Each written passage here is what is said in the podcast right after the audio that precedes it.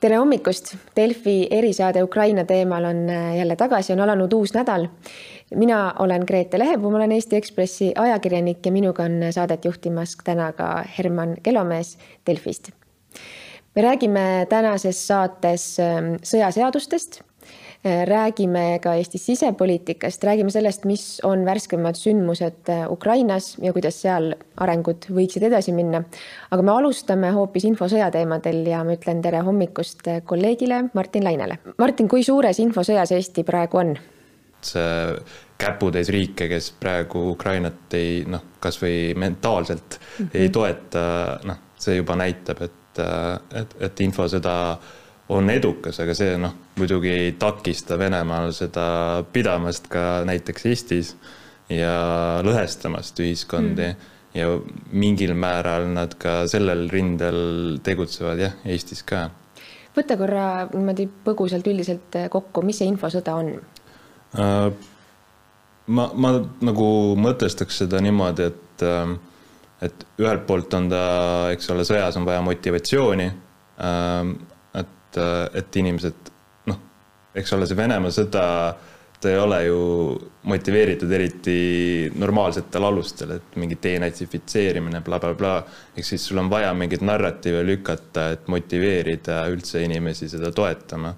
ja teine ongi siis see rahvusvaheline toetus, et tekitada seda tuge ka väljaspoolt ja et selle ja samal ajal võib-olla ka destabiliseerida vastaseid. ehk siis äh, Eesti puhul mul on tunne, et tegeletakse destabiliseerimisega, samal ajal ka siis meie venekeelse elanikkonna hulgas üritatakse toetajaid leida. et ja selleks siis kasutatakse igasugu ebaausaid äh, võtteid, levitatakse narratiive, trollitakse, üritatakse meid närvi ajada, üritatakse provotseerida, üritatakse väita, et meil on russofoobiaga väga suur probleem siin ühiskonnas. et neid äh, narratiive, mida kasutada Äh, nendeks eesmärkideks, mida ma just nimetasin, on väga palju. kas sa saad neile, kes ei ole sinu viimast Päevalehe lugu lugenud, äh, tuua ka konkreetseid näiteid, et mida Eesti, Eestis kasutatakse? no ma võtaks kokku üldse selle, kuidas see on läinud siin siis nagu sõja algusest, et äh, et ma hakkasin seda nii-öelda enda trollimonitori sarja tegema juba esimesel päeval, kui see sõda alguse sai, aimates, et, et meil võivad tekkida si siin riigis ka infooperatsioonid alguses tundus, et tegelikult on ikkagi võetud nagu sajaprotsendiline suund Ukrainale, et, et neid väga ei huvita, mis meil siin Eestis toimub. aga samal ajal on meil juba siin eos paigas selline infrastruktuur, mis võimaldab infosõda pidada ja, ja mis algatab infosõjaga hoolimata sellest, kas Venemaalt üldse mingiseid, mingeid suuniseid siia suunas tuleb, et meil on äh, kümnete tuhandete jälgijatega Facebooki grupid, kus, mida kontrollivad siis väga venemeelsed, kremlimeelsed inimesed, kes on kogu aeg siin, ma ei tea, lükanud neid sama, samu narratiive, et meil on siin jube russofoobia, meil venelasi kiusatakse taga ja nii edasi, et, et need kõik need Facebooki grupid on esiteks juba selle nii-öelda trollide kontrolli all, mis loob nagu väga hea pinnase, et, et see selline konflikt ja segadus hakkab juba iseenesest tekkima. Äh, ja alguses nagu oligi, et oli hästi palju kasulikke idioote, ehk siis noh, need äh, samad, kes siin viimasel kahel aastal on koroona mingisuguseid absurdseid narratiive lükanud, hakkasid rääkima, et kuidas Ukrainas on mingid biolaborid, mille Venemaa ise on siis nagu nüüd alles üle võtnud, kuigi näed, need uhuu inimesed olid juba, juba esimestel päevadel selle jälil, eks ole ja miks see nii on, miks need kasulikud idioodid tekkisid, oligi see pikk periood, mis eelnes sõjale, kus nad ümbritsesid end igasuguste äh, propagandaallikatega. et äh, läksid aina sügavamale, sügavamale jänesuurgu, siis avastasid ennast äh, kuskil, et äh, nad igapäevaselt tsiteerivad RT-sid ja, ja mm. Vene propagandakanaleid ja ilmselgelt, kui sõda algas, siis äh, see sektor siis hakkas järsku ka pro-Putin äh, jutupunkte levitama. ja see ei ole, noh, et paljud arvavad, see infosõda on see, et äh, Venemaa kuskilt keegi helistab kellelegi ja ütleb, nüüd te räägite seda, et tegelikult see on palju-palju keerulisem, see on nagu, kus äh, väga paljud osapooled osalevad selles ise nii, et nad ei saa sellest arugi.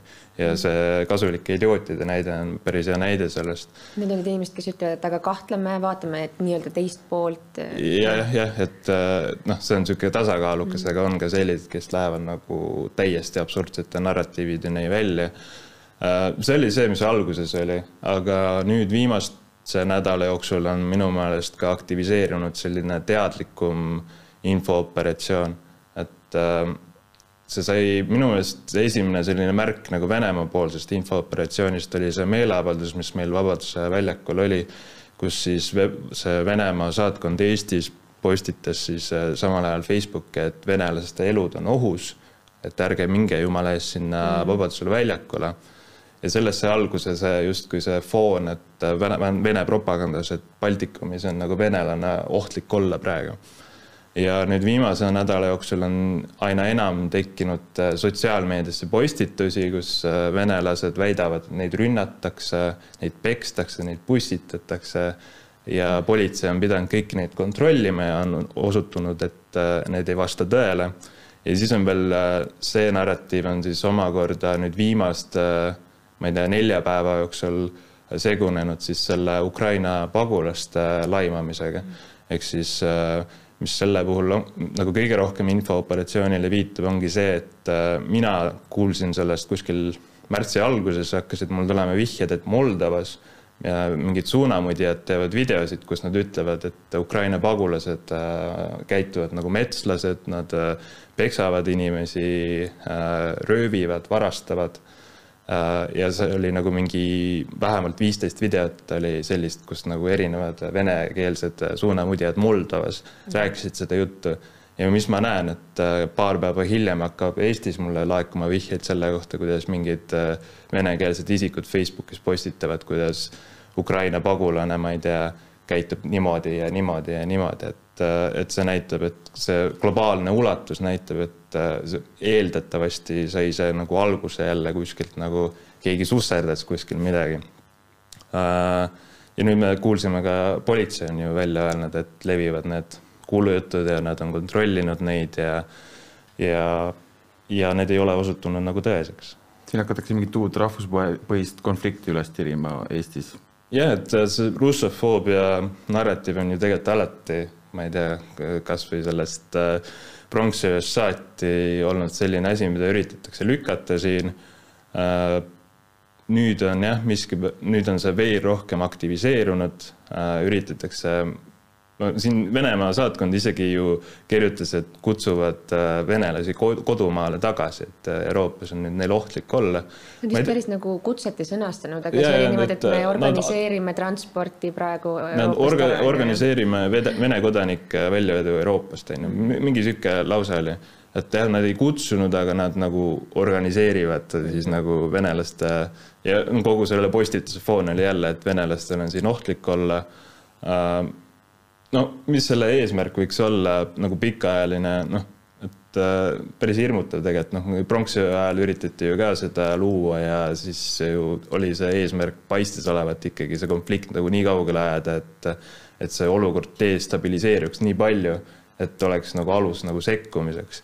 aga ma arvan, et puhtalt see lihtsalt see destabiliseerimine ühiskonna ilmselt nad jälgisid, mida, mida meie ühiskonnas on pagulaskriisid vara, varasemalt tekitanud, eks ole, mhm. poliitilist sellist äh, noh, rahutust ja noh, meil on teatud erakonnad, kes võivad ka selle peale süttida ja mul on esi, esimesed märgid ütlevad, et nad ka mingil määral seda narratiivi, pagulasvastast narratiivi juba lükka, lükkavad.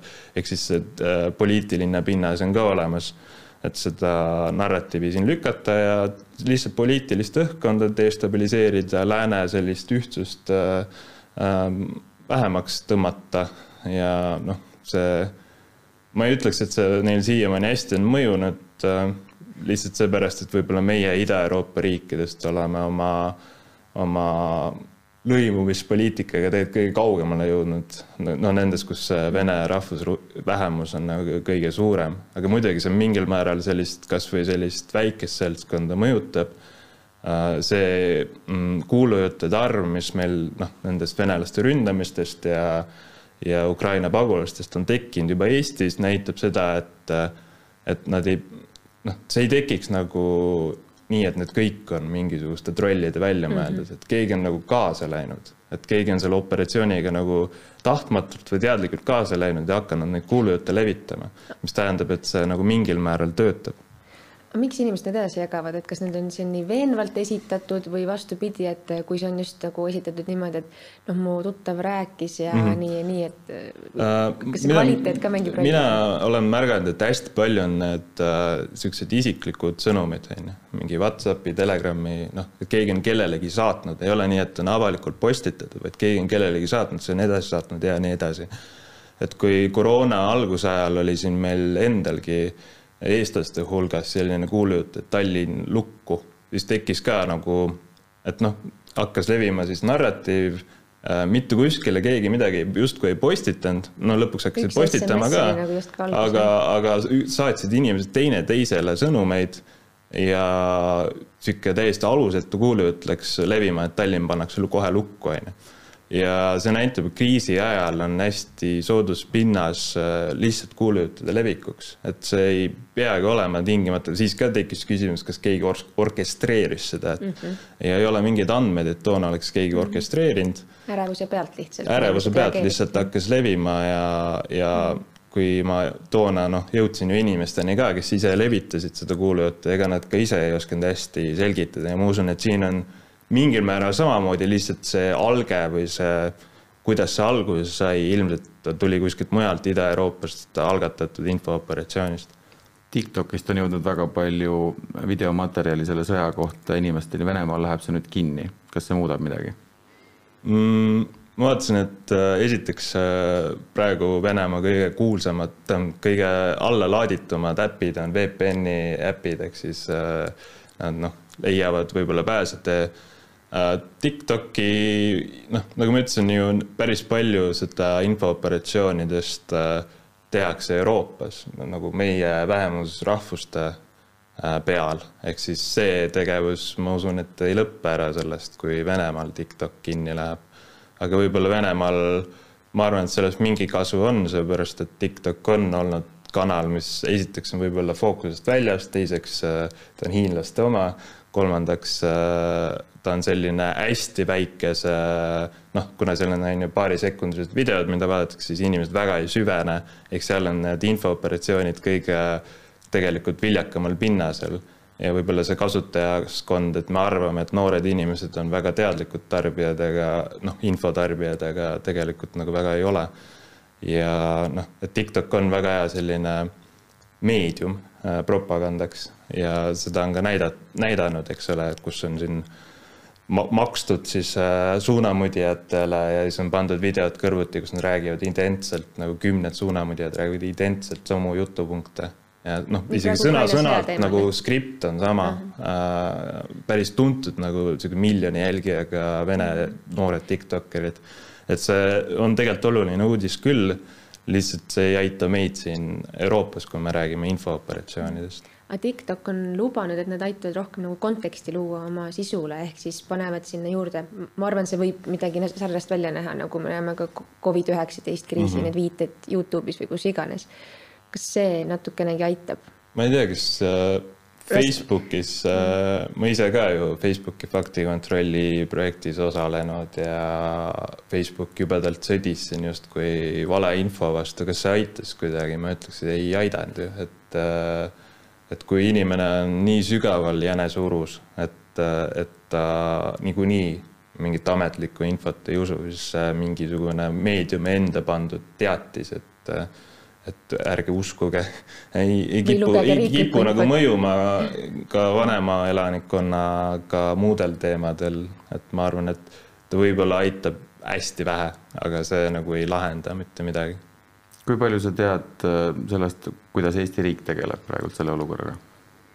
no minu meelest on äh, alati olnud Riigikantseleil mingisugune mm,, mingisugune nagu aken Facebooki, et neil on mingisugused kontaktid seal olemas, et kui ma vaatasin seda mm, no ma kirjutasin ka sellest äh, Facebooki lehest, mis siis kutsus üles jagama kogemusi, kus Ukraina pagulased on Eestis midagi kurja teinud.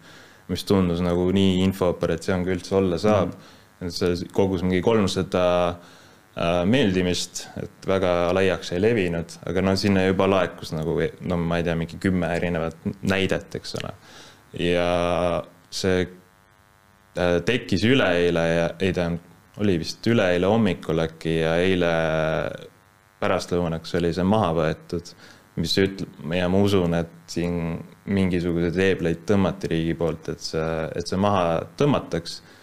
Samal ajal ühelt poolt on see nagu kiire, aga sotsiaalmeedias võib see kasvõi see kakskümmend neli tundi olla väga pikk aeg.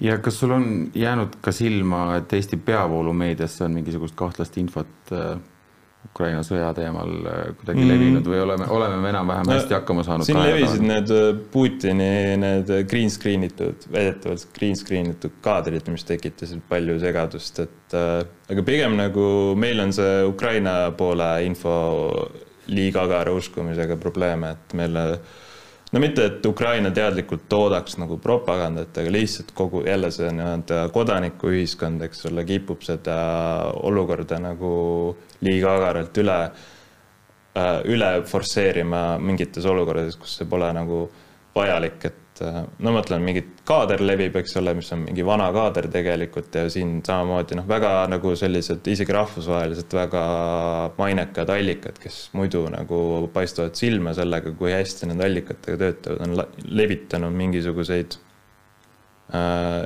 mingisuguseid kaadreid, mis võib-olla ei ole üldse Ukraina sõjaga seotud.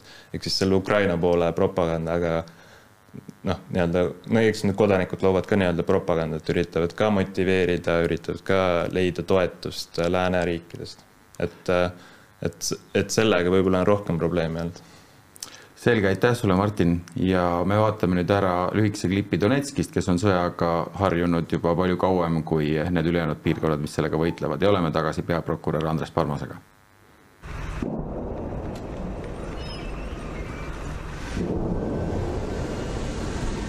Вы знаете, я уже не обращаю внимания. Потому что, э, ну, я не из тех людей, которые прям, ай, боюсь.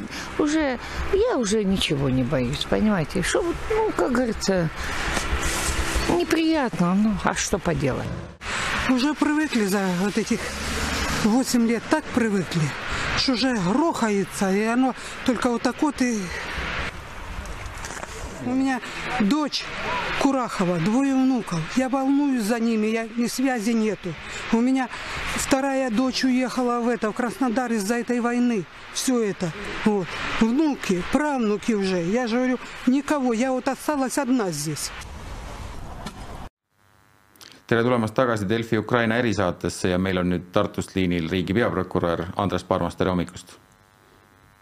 tere hommikust kui äh, nüüd Putin paneks Eesti suhtes toime neid äh, kuritegusid, mida ta sooritab Ukrainas, kas te oskaksite loetleda praegult erinevaid karistusseadustiku paragrahve, millega ta vastuollu läheks? no sisuliselt võib võtta terve kaheksanda peatüki ette ja, ja hakata järjest tulema, et äh, kõigepealt on siin tõenäoliselt toime pandud agressioonikuritegu.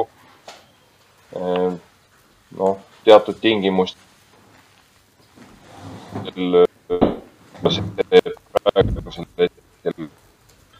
ja siis ridakuritegude koosseise, mida siin realiseeritakse, tsiviilelanike vastased ründed, tsiviilobjektide vastased ründed, rahvusvaheliste kaitsvate eraldusmärkide kuritamine, keelatud relvade kasutamine, kultuuri, ütleme siis religiooniobjektide, kultuuriväärtuste kahjustamine ja nii edasi. marodööritsemine. kuidas saaks Putini vastutusele võtta selles olukorras? no selleks äh, peab kellelgi olema eeskätt äh, Putini üle siis või, või nende tegude toimepanijate üle faktiline võim. ehk siis need inimesed tuleb kätte saada ja ega see tänasel päeval väga reaalne ei ole. et iseenesest jah, ka Vene karistusseadustikus on kõik sellised kuriteokoosseisud olemas. Vene riik, Vene õigussüsteem, kui ta toimiks, võiks ise kohut mõista niisuguste tegude üle. see on teatud tegude osas võimalik ka rahvusvahelises kriminaalkohtus, kus praegu uurimine kuritegudest. Aga jällegi, et, et ühel hetkel, kui jõutakse nüüd kahtlustatavateni, nende inimesteni, kes siis vastavate tegude eest peaksid andma, siis selleks, et kohus saaks edasi minna, on tal tarvis need inimesed kätte saada ja äh, kui me räägime nüüd äh, tippvõimuladvikust, siis ei ole see väga realistlik, et, äh, et see juhtuks. ja ka ütleme siis muud Eesti või, või mingisugused muud maailma riigid võivad seda samamoodi oma seaduste alusel teha ja probleem on jälle sama. koos lisanduva elemendiga, et kui me nüüd räägime mingisugusest kolmandast riigist, näiteks Eestist, siis meil takistab tegutsemist muuhulgas ka äh, rahvusvahelisest õigusest tulenev äh, äh, diplomaatilise puutumatuse põhimõte, et teise riigi äh, poliitilist või ka sõjalist tippjuhtkonda äh, see kaitseb. kas selleks peab sõda läbi olema, mm, et äh, hakata mingisugust protsessi menetlema?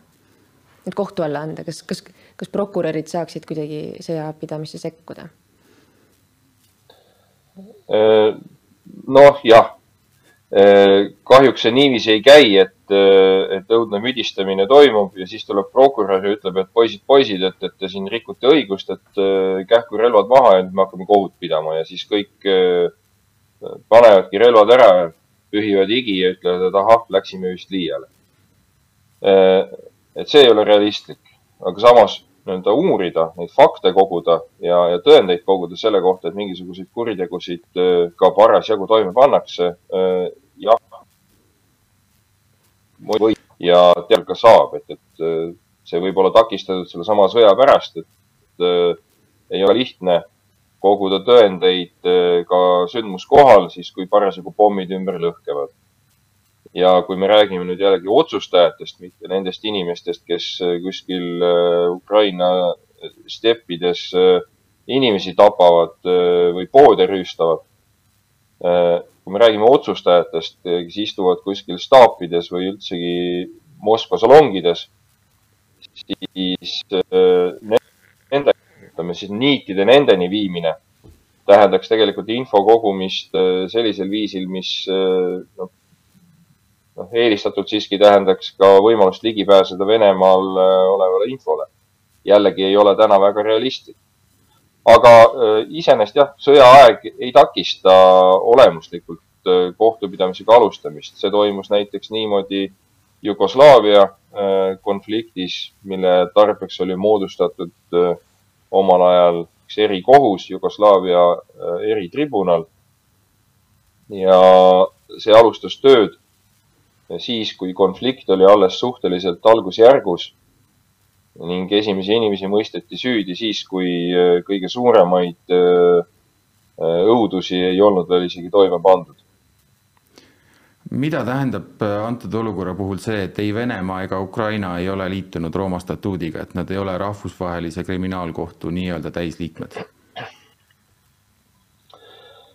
no see tähendab seda, et Venemaa on esiteks deklareerinud, et ta ei soovi olla selle kohtuga seotud ja, ja kohtureeglid teda ei seo. muuhulgas näiteks seda, et äh, kui äh, kohus ka uurib mingisuguseid tegusid, mis on toime pandud Vene kodanike poolt nende osalusel, siis äh, Vene riigil puudub igasugune kohustus teha koostööd rahvusvahelise kriminaalkohtuga Ukraina puhul on olukord teine, sest et äh, kuigi Ukraina samuti ei ole kohtu liige, siis äh, on äh, Ukraina riik teinud avalduse, millega nad siis taotlevad seda, et, et rahvusvaheline kriminaalkohus rakendaks enda jurisdiktsiooni, enda siis õiguspädevust Ukrainas toime pandud rahvusvahelistele kuritegudele. Ja seda juba alates kahe tuhande neljateistkümnendast aastast eh, toime pandud eh, kuritegudele, osaliselt isegi kaks tuhat kolmteist. Seoses Maidani sündmustega ja, ja seoses eh, Donetskis, Luhanskis alanud ja tegelikult siis tänaseks eskaleerunud relvakonfliktiga, mis on täna muutunud täiemõõduliseks sõjaks see tähendab ka seda, et tegelikult see, et äh, nad ei ole selle rahvusvahelise kriminaalkohtu liikmed, see tegelikult ei tähenda seda, et äh, rahvusvaheline õigus, mis puudutab inimsusevastaseid kuritegusid, sõjakuritegusid, neile ei laieneks. jah, et rahvusvaheline kriminaalkohus on, ütleme teatud mõttes lihtsalt nii-öelda kodifikatsioon või, või võtab kokku öö, äh, olemasoleva rahvusvahelise õiguse et ka ilma rahvusvahelise kriminaalkohtuta vastavad kuriteo koosseisud on olemas. Nad on ja, ja need on küll kõikidele riikidele siduvad. probleem on lihtsalt selles, et puudub universaalne mehhanism, kuidas, kuidas see asi toimida võiks. ja, ja ütleme siis, kui me jätame nüüd rahvusvahelise kriminaalkohtu kõrvale, siis võimalused ongi niiviisi, et, et kas seda teevad riigisisesed kohtud mis muuhulgas saavad tugineda rahvusvahelisele õigusele või siis öö, öö, on loodud sellised öö, ühe konkreetse probleemi, sündmuse, situatsiooniga seotud eritribunalid, näiteks nagu see juba mainitud Jugoslaavia eritribunal,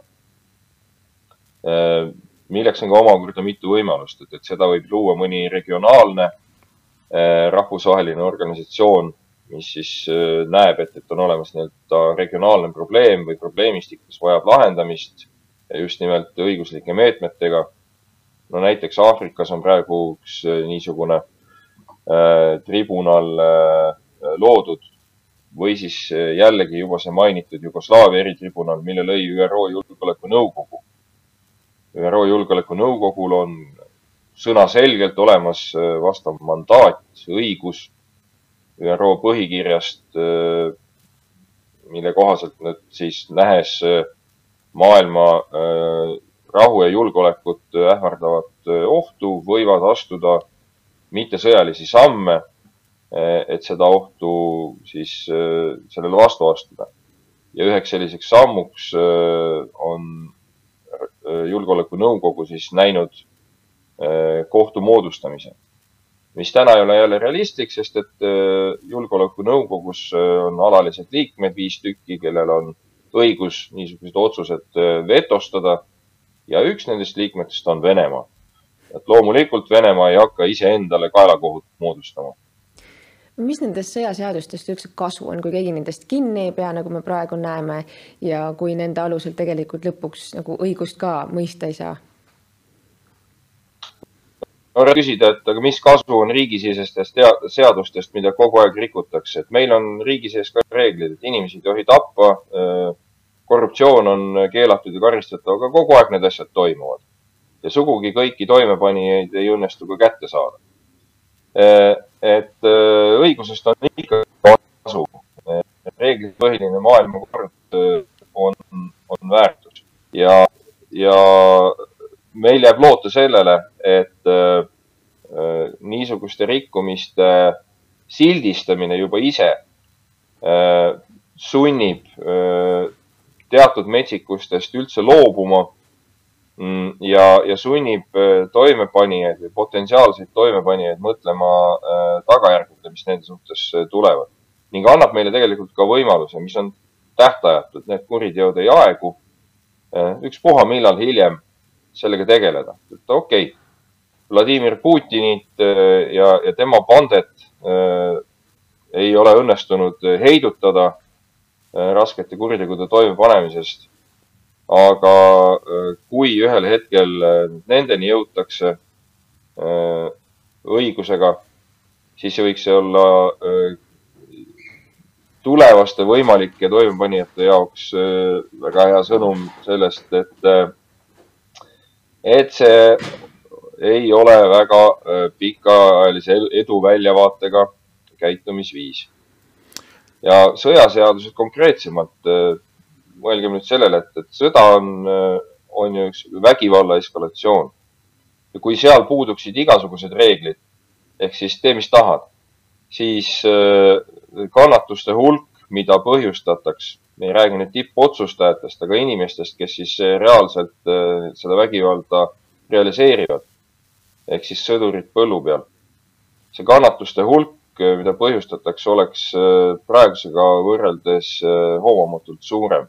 et seda ära hoida, seda teatud mingisugustessegi piiridesse suruda, siis selleks on sõja õiguslikud reeglid ikkagi väga vajalikud suur tänu, riigi peaprokurör Andres Parmas, me põikame kiirelt Lvivi, kus me vaatame, kuidas patsifistidest noormeestest on saanud sõdurid ja jätkame vestlust Indrek Annikuga. Basically you have no choice right now because our nation is as united as never before and uh, everyone just know that we need to defend and we need to fight for our country, for our land. Як не застрелити себе, не застрелити побратимів. Ось. У випадку, якщо у нас будуть якісь вуличні бої, ось кожен може взяти зброю вбитого русака ось, і почати з неї вести вогонь. Так, дуже страшно, що в 21 столітті на перший план виходять навички та вміння, які, по ідеї, мали померти. Люди не повинні цим займатися в масовому своєму прояві. Ніколи взагалі в житті не тримав в руках зброю ні в тирі, ніде. Я проти мілітаризації будь-чого. Я ніколи не любив і не люблю цю зброю. I've never uh, been to war. I've never, I've never fight even, but uh, I think, I think I'm ready. Я не буду готовий, але я зроблю це. Delfi Ukraina erisaade jätkab nüüd Rahvusvahelise Kaitseuuringute Keskuse direktori Indrek Annikuga, tere hommikust! tere hommikust! Me rääkisime esimest korda nendest teemadest äh, kuskil poolteist kuud tagasi, ma kuulasin selle salvestuse üle, äh, sõja alguseni oli üle kuu aja veel järel ja te kirjeldasite seal siis erinevaid raskusi, millesse venelased satuksid, kui nad üritavad sellisele täiemahulisele pealetungile minna. alustades sellest, et ähm, Mariupoli poole miljoni elanikuga linna on väga keeruline võtta, ammugi veel siis Kiiev. Ähm, kuidas nüüd Mariupoliga lähipäevil minemas on? No ütleme niimoodi, et Vened on olnud linna, linna äär, äärtes juba terve nädala või praktiliselt ja ega nad sinna linna sisse ei ole saanud lõpuni. ja isegi viimased andmed ütlevad, et ega Mariupol ei ole ka päris lõplikult ümber piiratud, et ikkagi väike, väike, väikesed kanalid nii-öelda, nii-öelda ülejäänud Ukrainaga on olemas endiselt, et selles mõttes ma jään selle juurde, et ega selle linna äravõtmine, lõplikult äravõtmine ei ole kerge ja me peame siin ka nagu täpsustama terminit, mis see äravõtmine tähendab, et et venelased on nii-öelda suutnud Hersoni linna sisse sõita ja sealt läbi sõita, aga ega see linn näiteks ei ole ju nende kontrolli all, nagu me nägime eilsest meeleavaldusest, et väga arvestatav meeleavaldus, mitme tuhande inimesega meeleavaldus, kus põletatakse Putini, Putini pappkuju, mis noh, näitab nagu seda, et, et isegi kui tankid suudavad linnast läbi sõita, linn ei lähe sellepärast Vene kontrolli alla. Ja noh, nendest meestest, kes, kellel, keda Venemaa praegu rakendab Ukraina sõjas, ilmselt ei piisa Ukraina okupeerimiseks, isegi Dnepri idakalda okupeerimiseks ja mis see talle annaks, kui ta Mariupoli saakski kätte ja ühendaks siis Krimmi ülejäänud maismaaga? no see annaks mõnes mõttes garantii selles osas, et eh, vähemalt vett on võimalik eh, sealt eh, Ukraina poolelt saada, mida venelased vahepeal siis aastaid ei saanud Krimmi jaoks. ja no lõikaks Ukraina ära Aasovi merest lõplikult. kuigi suures osas on Ukraina sellest ära olnud lõigatud juba nagunii, kuna see süsteem, mille Vened on kehtestanud, et läbi pääseda Aasovi merest Mustale merele on nii karm, et Ukraina jaoks on seda, selle kasutamine olnud vägagi problemaatiline, et Mariupoli ja Berdjanski sadamad on ikkagi vägagi kokku kuivanud viimastel aastatel. tavainimesele võib olla väga keeruline mõista, miks ähm, niivõrd suure tsiviilohvrite äh, kannatuste põhjustamine võib olla kuidagi mõistlik taktika, eks ju, et me näeme siin läänes, et see on, see on õudne, see on kohutav, me mõistame selle hukka, viha Putini vastu suureneb. miks seda ikkagi teha? No Putinil on, on, ma ütleksin, kinnisidee, et Ukraina tuleb emakese Venemaa rüppe tagasi saada. Ja, ja ma arvan, et ta peas on kinnisideed ka laiemad tegelikult ikkagi, et kogu Nõukogude Liit, mida ta äh, tuleb, tuleb taastada, et seda ta täna veel muidugi selge sõnaga välja ei ütle.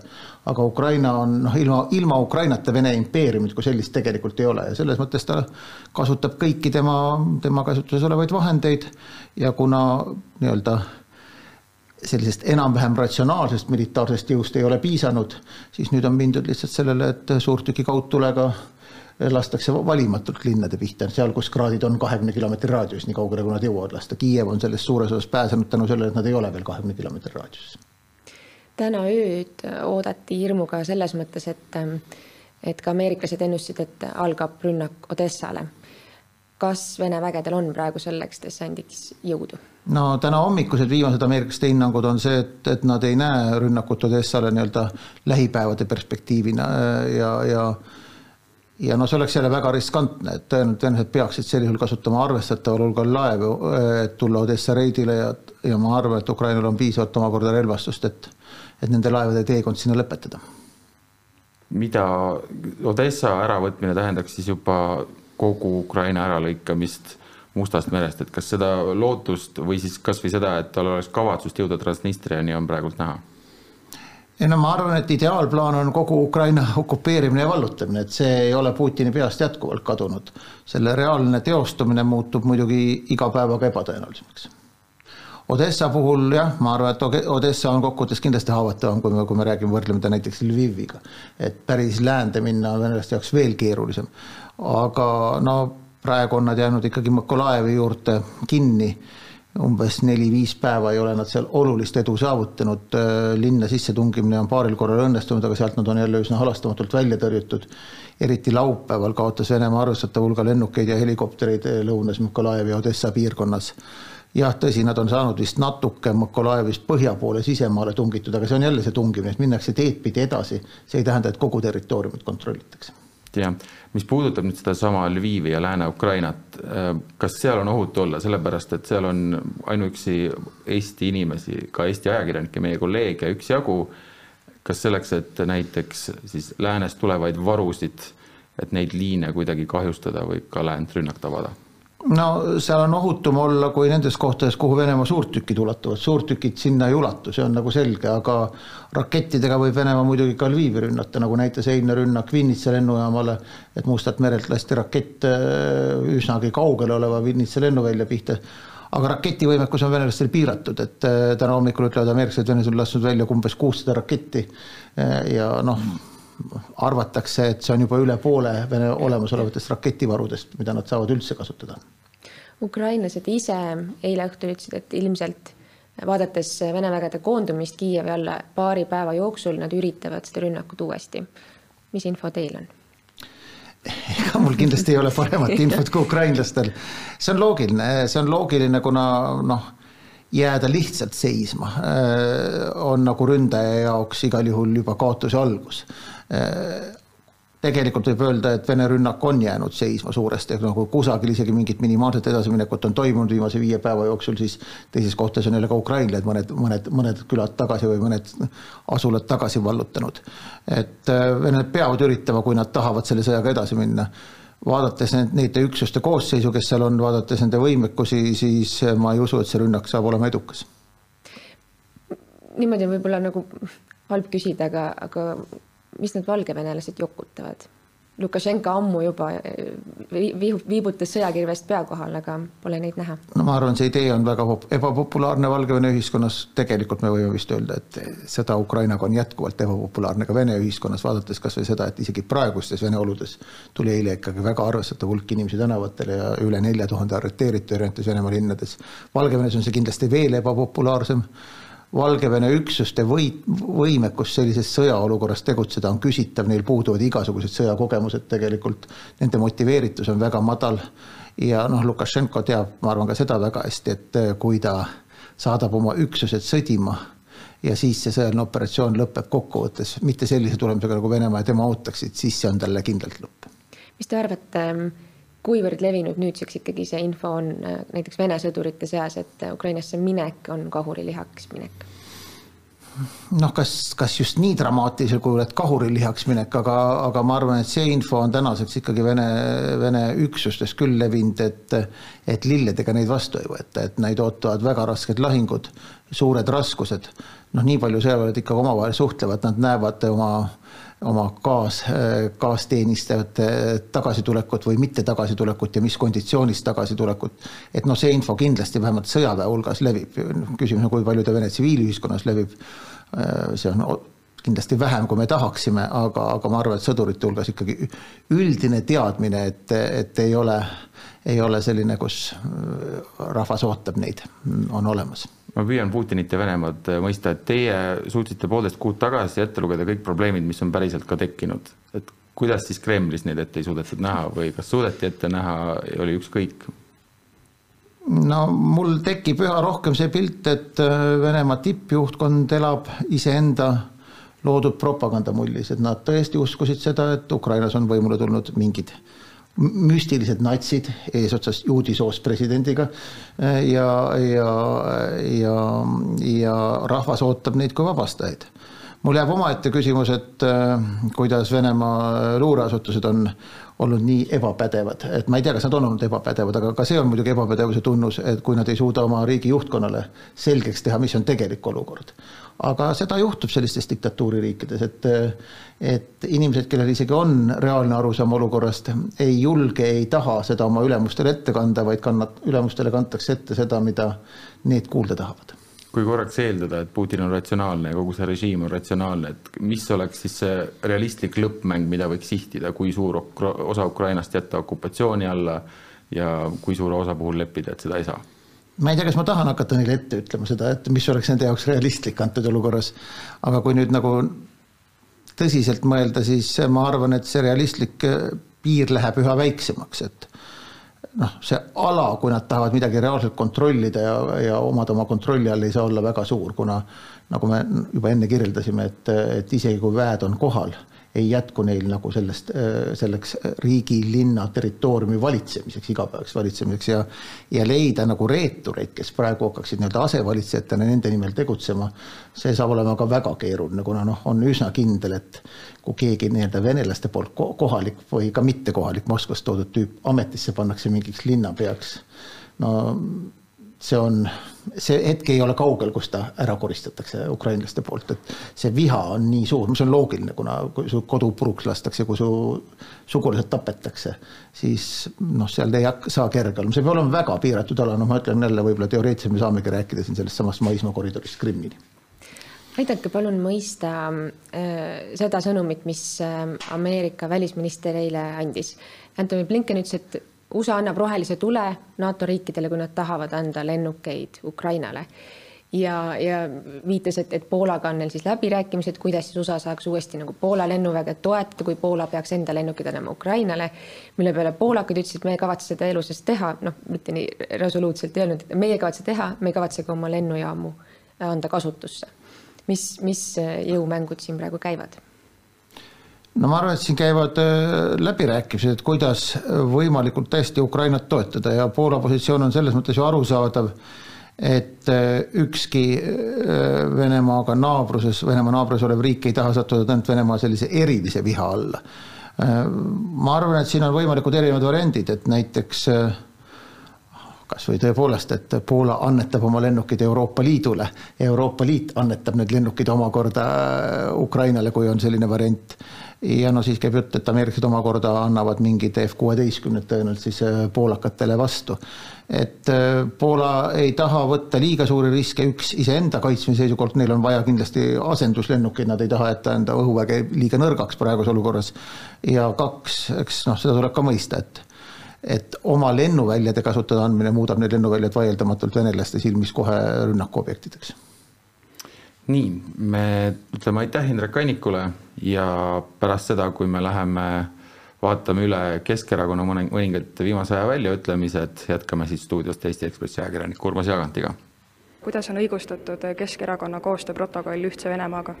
no seda protokolli ma olen sellele vastanud, ma arvan, alates kahe tuhande kuueteistkümnendast aastast, et see protokoll ei ole kehtiv seda protokolli ei ole olemas. Äh, arvata, et Venemaa on äh, selline sõbralik, väike, pehme, valge karuke, ükski riik ei ole selline, iga riik kaitseb oma huvisid ja seda teeb praegu Venemaa.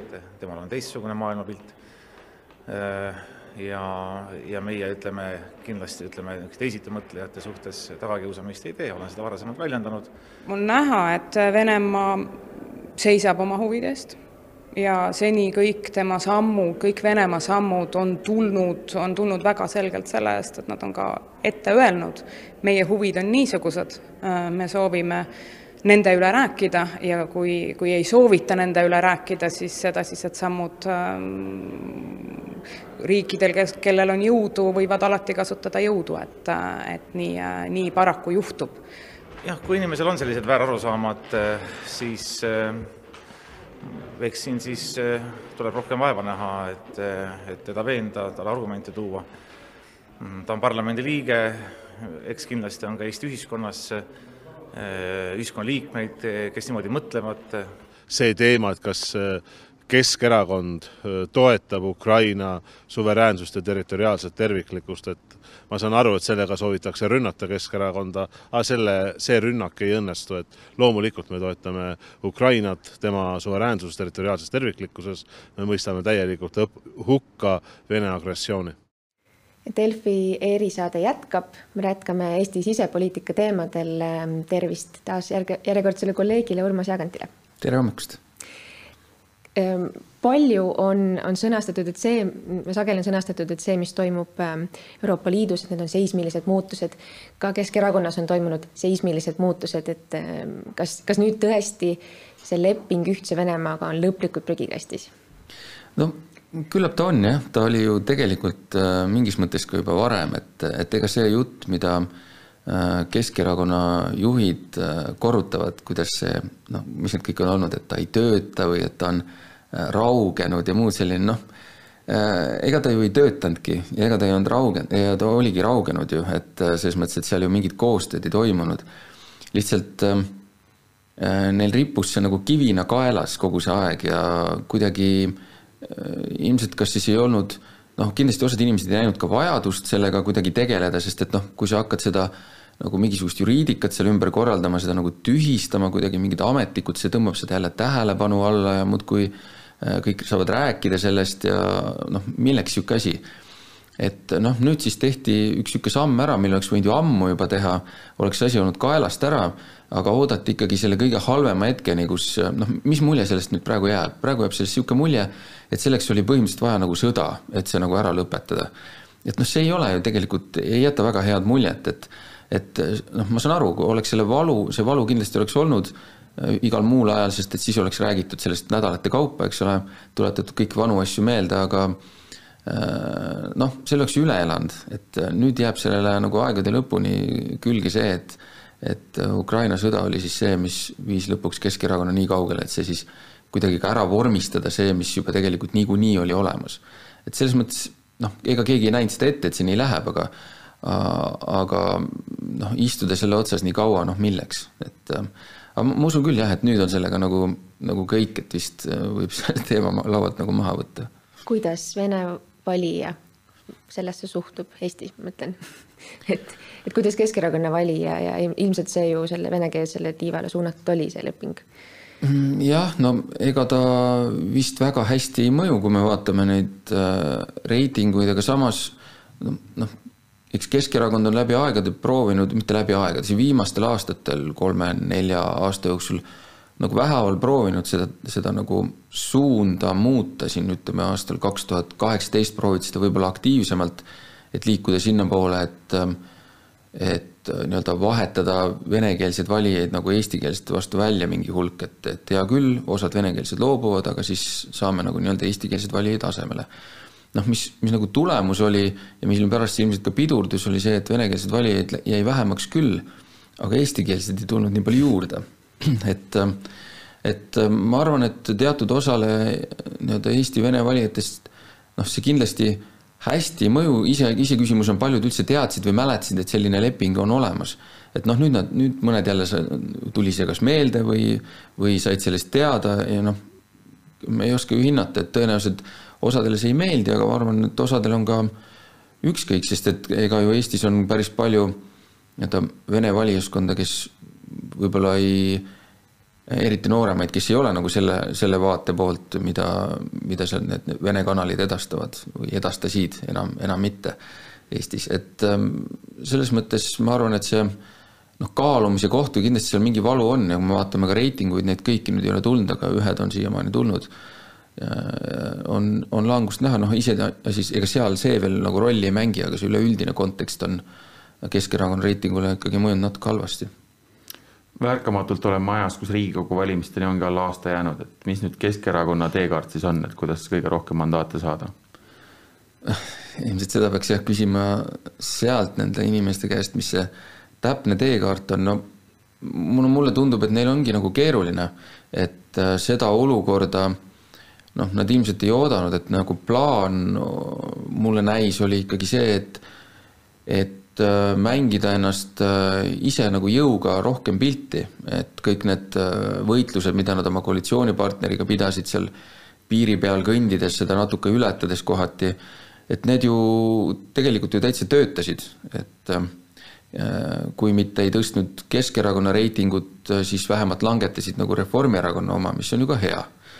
et Keskerakonna jaoks kindlasti kõige õudsem stsenaarium on see, kui nad avastavad, et nad on järgmiste valimiste öösel neljandad, et ähm, ja see ei ole ju välistatud ühegi nende nelja erakonna puhul, kes seal nii-öelda liidergrupis praegu on aga Keskerakonnal on see seis, mulle tundub hetkel kindlasti kõige nigelam ja seda, just seda sellepärast, et et neil on olnud natukene keeruline võtta nagu sellist hästi tugevat positsiooni selles äh, julgeoleku küsimuses.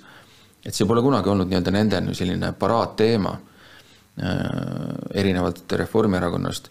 et äh, selles mõttes on neil kindlasti raske ja eks seda nii-öelda positsiooni otsimist on olnud ka näha ju, ega, ega meil ei ole mingit põhjust kahtlustada, et et Keskerakonna tippjuhtkond oleks kuidagi mingisugusel teisel arvamusel sellest, mis toimub, et äh, täiesti kindlasti ei ole. et äh, nad on kindlasti äh, täpselt samamoodi nii-öelda Ukraina poolel selles asjas nagu, nagu ka valdav enamus teisi erakondi ja poliitikuid. lihtsalt jah, neil on see neil on see hirm, mulle tundub, et kuidas nende, osa nende valijatest reageerib. noh, ongi küsimus, palju seda jäänud on, seda valijaskonda ja, ja ega ei saa ju nagu võib ka mõelda ju niipidi, et äkki ongi Keskerakonnal praegu kõige targem see nii-öelda see murrang siis ära teha, et äh, saab, saagu siis, mis saab, et et ähm, igal muul hetkel saab see nagu oluliselt rohkem tähelepanu ja on palju rohkem sellise analüüsi all. ja nagu me näeme, on ju ka tehtud, et et Keskerakonna esimehe avaldused on olnud ju väga jõulised ähm, ja kõik need pole olnud liiga palju, aga noh, tema positsioon ka noh, võimaldab teatud hulga neid, eks ole, Riigikogu spiikrina.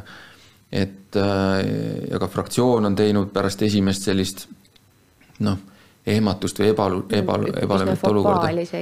nojah, sellest võime ka rääkida, on ju, aga aga jah, et äh, on mingeid liigutusi tehtud ja ma arvan, et et nende suund sinnapoole on, aga see on neile kindlasti hästi ebamugav olukord ja tõesti noh, kuidas nad saaksid äh, enim mandaate, noh eks äh, julgeoleku teemade osas on keeruline, Reformierakond on selle peal, selle peal ka võitnud valimisi, eks. et suhteliselt raske.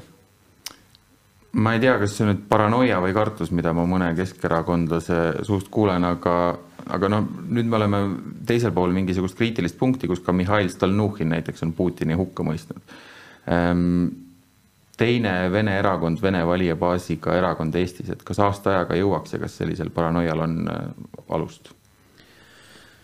ma ei tea, et äh, ma ei usu, noh, kui sa küsid nende inimeste kohta, kes, kes seal Keskerakonnas äh, on olnud sellise nii-öelda vahepealse positsiooniga, siis nende noh, nendel ma tean, osadel on olnud päris suur ehmatus see, mis on toimunud, et kui mäletatavasti see äh, Riigikogus Ukraina toetusavaldus oli ju enne, kui, kui see nii-öelda päris äh, sõjaks läks, et äh, siis me nägime, et seal oli kümmekond inimest, kes äh, erinevatel põhjustel noh, tagantjärgi võib tunduda, et mõni põhjus võis olla isegi täitsa uskumatult nii-öelda küüniline.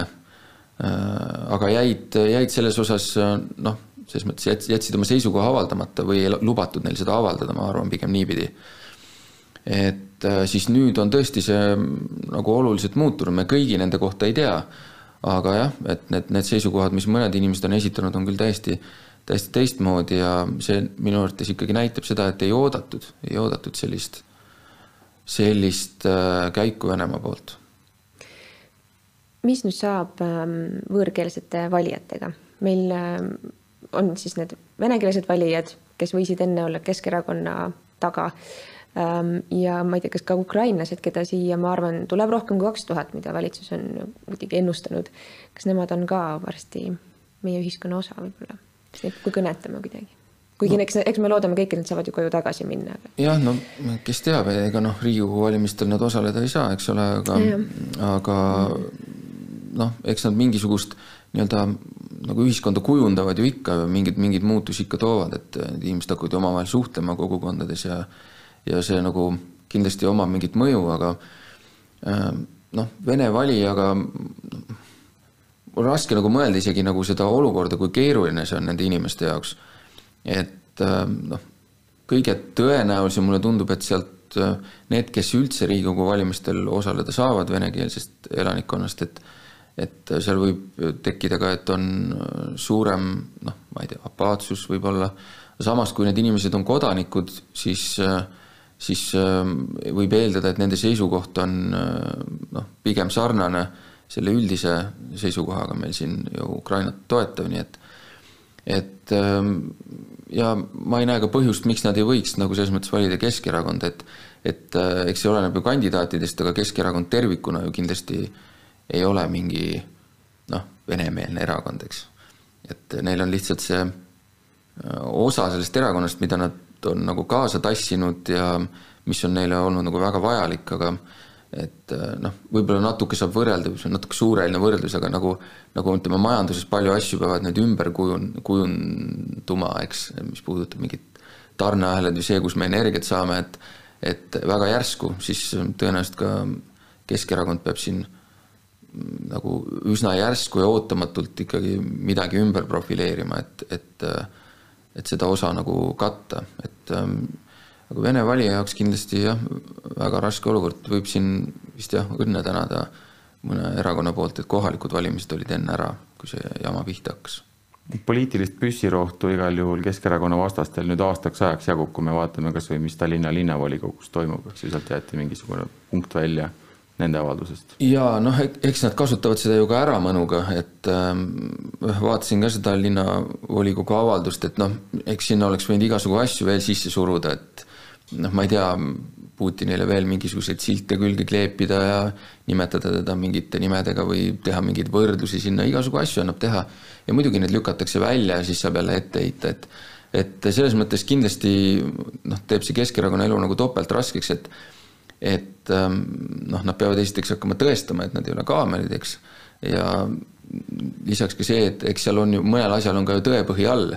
nüüd, nüüd ongi oluline, et need, kes seda kõrvalt vaatavad, saaksid aru, kus kohas siis käib nagu Keskerakonna trollimine, eks, ja kus kohas on nii-öelda neile nagu asja eest midagi ette heidetakse, et et noh, see konkreetne punkt seal, noh, mina ka ei oska öelda, kas see oleks olnud vajalik äh, või mitte, et äh, aga noh, see on kindlasti selline nii-öelda oponentidele jah, väga magus ja ja nad seda kindlasti üsna armutult ära kasutavad, et, et sinna noh, osalt võib öelda, et kes tegi, nagu ise tegin Keskerakonna poolt, aga aga jah, et samas teiselt poolt võiks oodata ka sellist noh, et, et väga räpaseks nagu ei minda selle koha pealt, et ikkagi noh, see on, see on oluline lihtsalt siis näiteks ka meil neid asju nagu esile tuua, kui kui on näha ikkagi, et selgelt üritatakse Keskerakonnal niimoodi selja tagant jalga taha panna.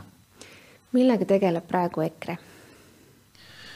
näiteks tundub, oma raadiosaates ja no mulle tundub, et eks nad otsivad ka sellist äh, head kohta, et äh, muidu suured rahvuslased, aga natukene kuidagi äh, noh, kuidagi keerulised, mulle tundub, et nad ei ole ka leidnud sellist päris head äh, nii-öelda positsiooni selles, et mis nende nagu sõnum on. et osalt ma näen ju, näeme ju sõnumeid, kuidas ähm, on väga sellised Eestit toetavad ja siis, kuidas me peame äh, kaitset tugevdama ja siis seda veel natuke rohkem tegema. et ähm, selles mõttes on neil keeruline jah, et kui nende need oma saated, mida vist isegi imestan, et keegi neid väga ka refereerib veel üldse et erilist põhjust justkui pole, aga, aga noh, seal nad jälle apelleerivad mingisugusele muule seltskonnale, no ma näengi seda otsimist, et et kuidas kogu see olukord nagu keerata selle valitsuse kraesse. mis on muidugi nende ülesanne, eks. Et äh, ka, ega ka põhimõtteliselt ka sõja ajal tuleb olla kriitiline valitsuste suhtes, et ega see ei tähenda, et kriitika, äh, konstruktiivne selline kriitika peaks kuidagi kõrvale jääma, aga see, mida nad teevad, noh, see, ma ei näe väga sellist nagu konstruktiivsust, et see on kuidagi hästi püüd, püüd sihuke üles ehitada sellist asja, et me siin üritatakse mingeid asju nüüd selle nii-öelda suure probleemi varjus ära teha, eks ole noh, mida lõpuni ei saa ju ka välistada, et, et kuskil mingisugused eelnõud, kindlasti on ju selge, et tähelepanu teistele asjadele jagub vähem. et äh, selles suhtes kindlasti tasub olla nagu tähelepanelik, aga noh, ma iseenesest ei usu, et, et keegi nagu, et me nagu avastame ühel hetkel, kui loodetavasti õige pea, kui kogu see sõda lõpeb, siis ma ei tea, meil riigis on mingid asjad kuidagi tagaselja niimoodi ära muudetud, et keegi pole märganudki, et noh, seda vaevalt juhtub, aga aga jah, EKRE on otsimas sellist äh, kohta, kuidas see, kuidas see kõik nagu valitsusse kraesse keerata, et seda otsimist vist äh, iseloomustab ka see, et nad tegid ettepaneku, tõenäoliselt ilmselt see oli rohkem sõnum kui tõsiseltvõetav ettepanek, et moodustada niisugune laiapõhjaline valitsus, et et Kaja Kallas, võta nüüd kõik parlamendierakonnad kriisi hetkeks valitsusse ja siis, vot siis me hoolitseme Eesti eest ja hästi. jah, see isegi mõnes mõttes on ju selles mõttes nutikas, et esimese sammu tegi ju selleks tegelikult äh, peaminister ise, kui ta kutsus kõik, kõikide erakondade esimehed ja kutsus sellisele koostööle ja üksmeelele, et et selline ilus samm on ju, aga, aga noh, sealt seega saab jälle ära kasutada kenasti selle koha pealt, et et lähme siis veel kaugemale, paar sammu edasi. et mida muidugi keegi ei tee, eks. et jah, mõned on sellised pehmed sammud nende poolt või sellised panevad sellisesse ebamugavamasse olukorda valitsust ja mõned on sellised väga noh, nii-öelda karmisõnalised või noh, nende, nende harjumuspärane EKRE stiil, et et minu arust see jah, näitab sellist äh, otsimist veel, et kuidas seda olukorda enda jaoks nagu ära kasutada. aitäh sulle, Urmas, seda saadet juhtisid Grete Lehepuu ja Herman Kelomees. Vene-Ukraina sõja erisaade taas homme kell kaheksa kolmkümmend, kohtumiseni